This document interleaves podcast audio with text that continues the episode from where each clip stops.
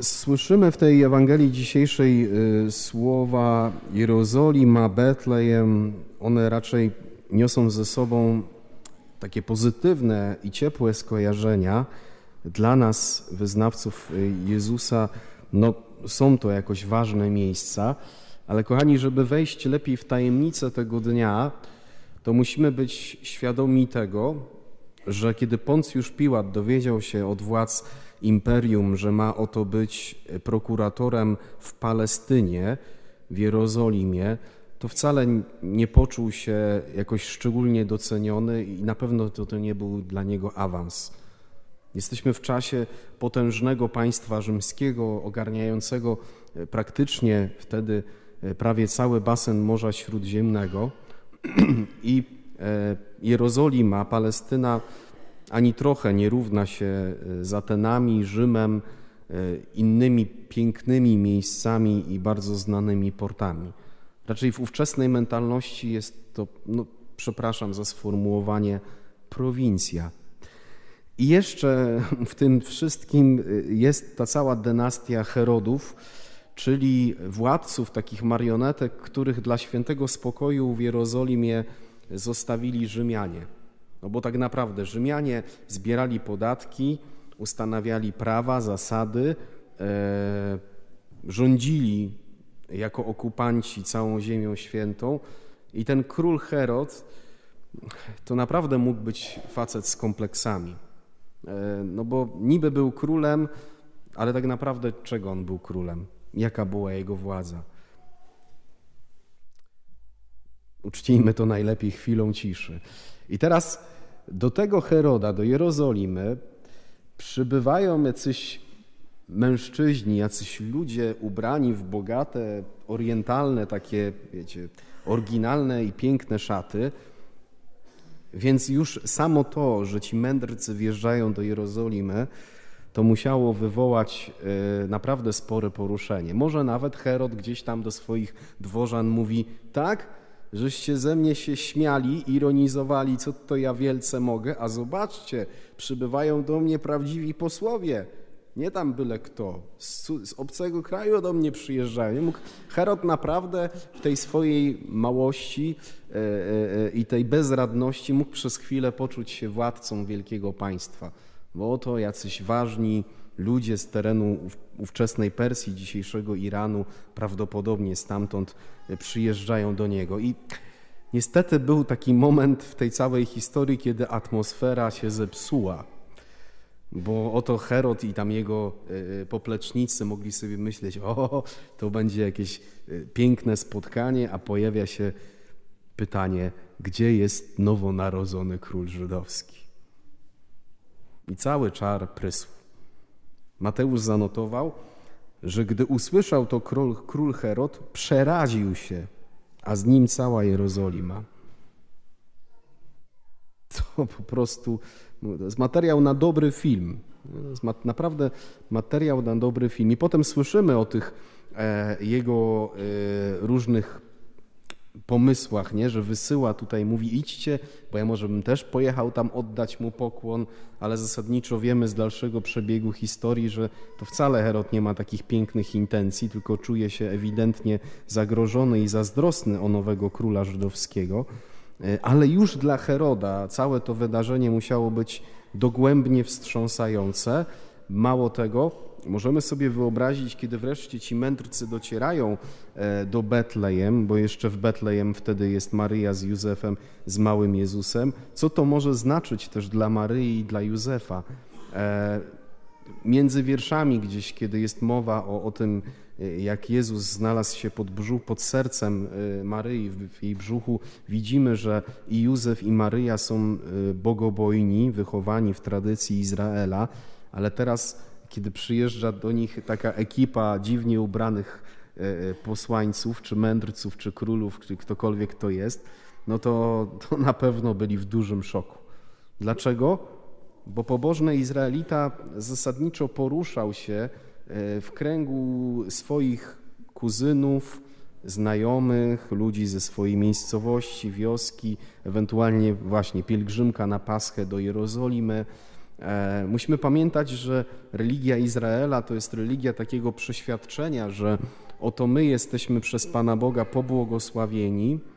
Pan Bóg e, nas wybrał, jesteśmy Jego szczególną własnością, żyjemy jako Izrael w przymierzu z Nim, a jeszcze mamy przykłady e, ze Starego Testamentu, z pierwszego przymierza, że ci, którzy za bardzo zaczynali otwierać się na ludy ościenne, na pogan, tak naprawdę źle na tym wychodzili. Wystarczy wspomnieć króla Salomona, który był bardzo mądry, ale koniec końców jego pogańskie żony e, poprowadziły go w złą stronę, bo gdzieś jego serce e, już nie było oddane do końca e, Panu Bogu.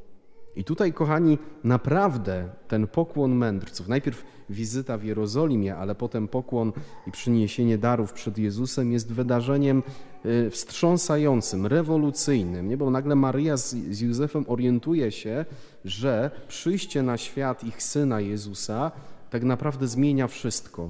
Że tu już nie chodzi o jakiegoś jedynego prawdziwego Boga Izraela i o jeden wybrany naród, ale oto realizuje się ta obietnica, którą dostał Abraham, który po pierwsze usłyszał od Pana Boga, Twoje potomstwo będzie liczne jak gwiazdy na niebie, a po drugie e, ta obietnica, którą Abraham usłyszał, że otrzymasz błogosławieństwo, będę Ci błogosławił, ale Ty też staniesz się błogosławieństwem. Przez Ciebie, usłyszał Abraham, otrzymają błogosławieństwo wszystkie e, ludy ziemi.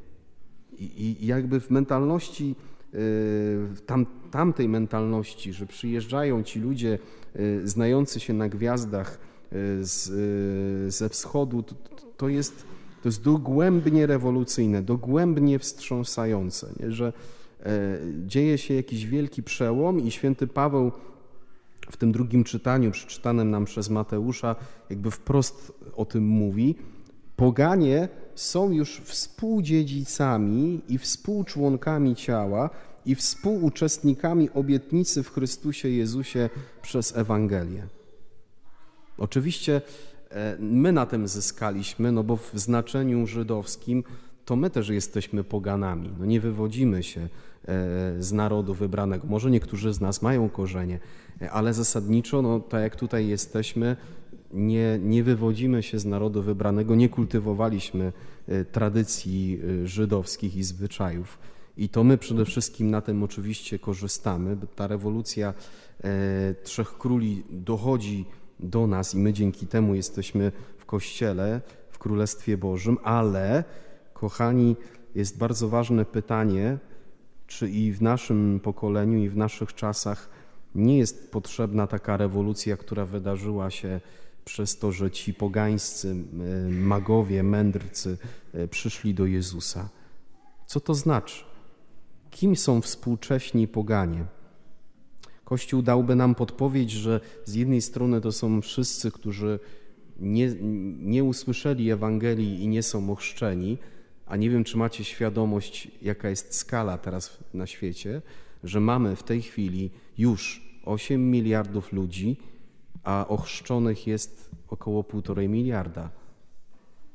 Ja wiem, że my żyjemy e, w takiej części świata, że chrześcijaństwo przez wieki przenikało naszą kulturę i być może dla nas jest to niewyobrażalne, ale statystyki mówią jasno, że są miliardy ludzi, miliardy, które nie usłyszały o miłości Boga. A z drugiej strony, kiedy jest mowa o współczesnych poganach, to Kościół e, w nauczaniu o nowej ewangelizacji mówi nam jasno, że są nasi bracia i siostry ochrzczeni, którzy nie żyją swoim chrztem, którzy nie mieli nigdy tak naprawdę okazji e, zacząć żyć wiarą, albo przez jakiś czas byli wierzący i praktykujący, ale porzucili te praktyki. I to też są w jakimś, jakiejś mierze współcześni poganie. I kochani, myślę, że czymś najgorszym jest pozwolić się zaszufladkować, tak? Mogę sobie pomyśleć, no, ja chodzę do kościoła, ja jakoś tam się modlę, ja jakoś tam kultywuję te zwyczaje chrześcijańskie, y, ktoś tam z moich sąsiadów, ze znajomych z pracy, czy ktoś tam z rodziny, przecież on dobrze wie, co to jest chrześcijaństwo. wie, gdzie jest Kościół, wie, na czym to wszystkim po, polega, bo nie sposób w naszej części świata nie wiedzieć, więc to zasadniczo jest jego problem, że on nie przychodzi, tak?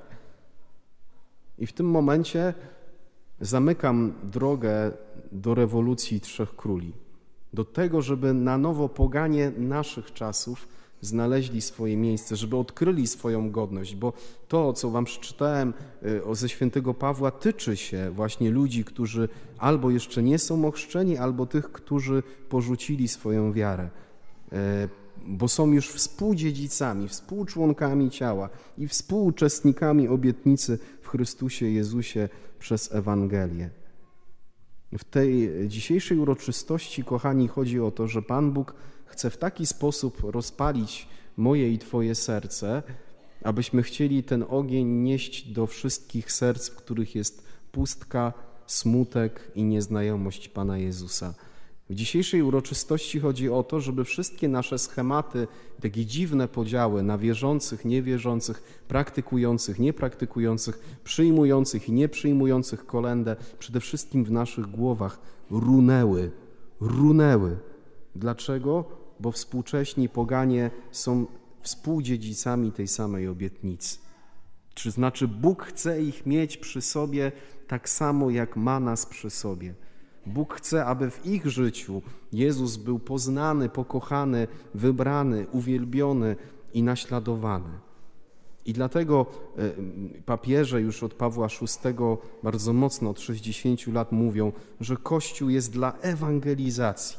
To znaczy albo my wszyscy, nie tylko ksiądz Mateusz i siostry i katecheci, albo my wszyscy staniemy się kościołem misyjnym i dla nas priorytetem będzie to, żeby każdy człowiek poznał i pokochał Pana Jezusa, albo tak naprawdę możemy już wywiesić białą flagę i stwierdzić, że to wszystko nie ma sensu, a współczesny sekularyzm i materializm, yy, czyli te wszystkie procesy, które widzimy wokół siebie, yy, wygoda i tak dalej, po prostu nas zdominują i, i nie będziemy już mieli nic do zaoferowania yy, temu światu.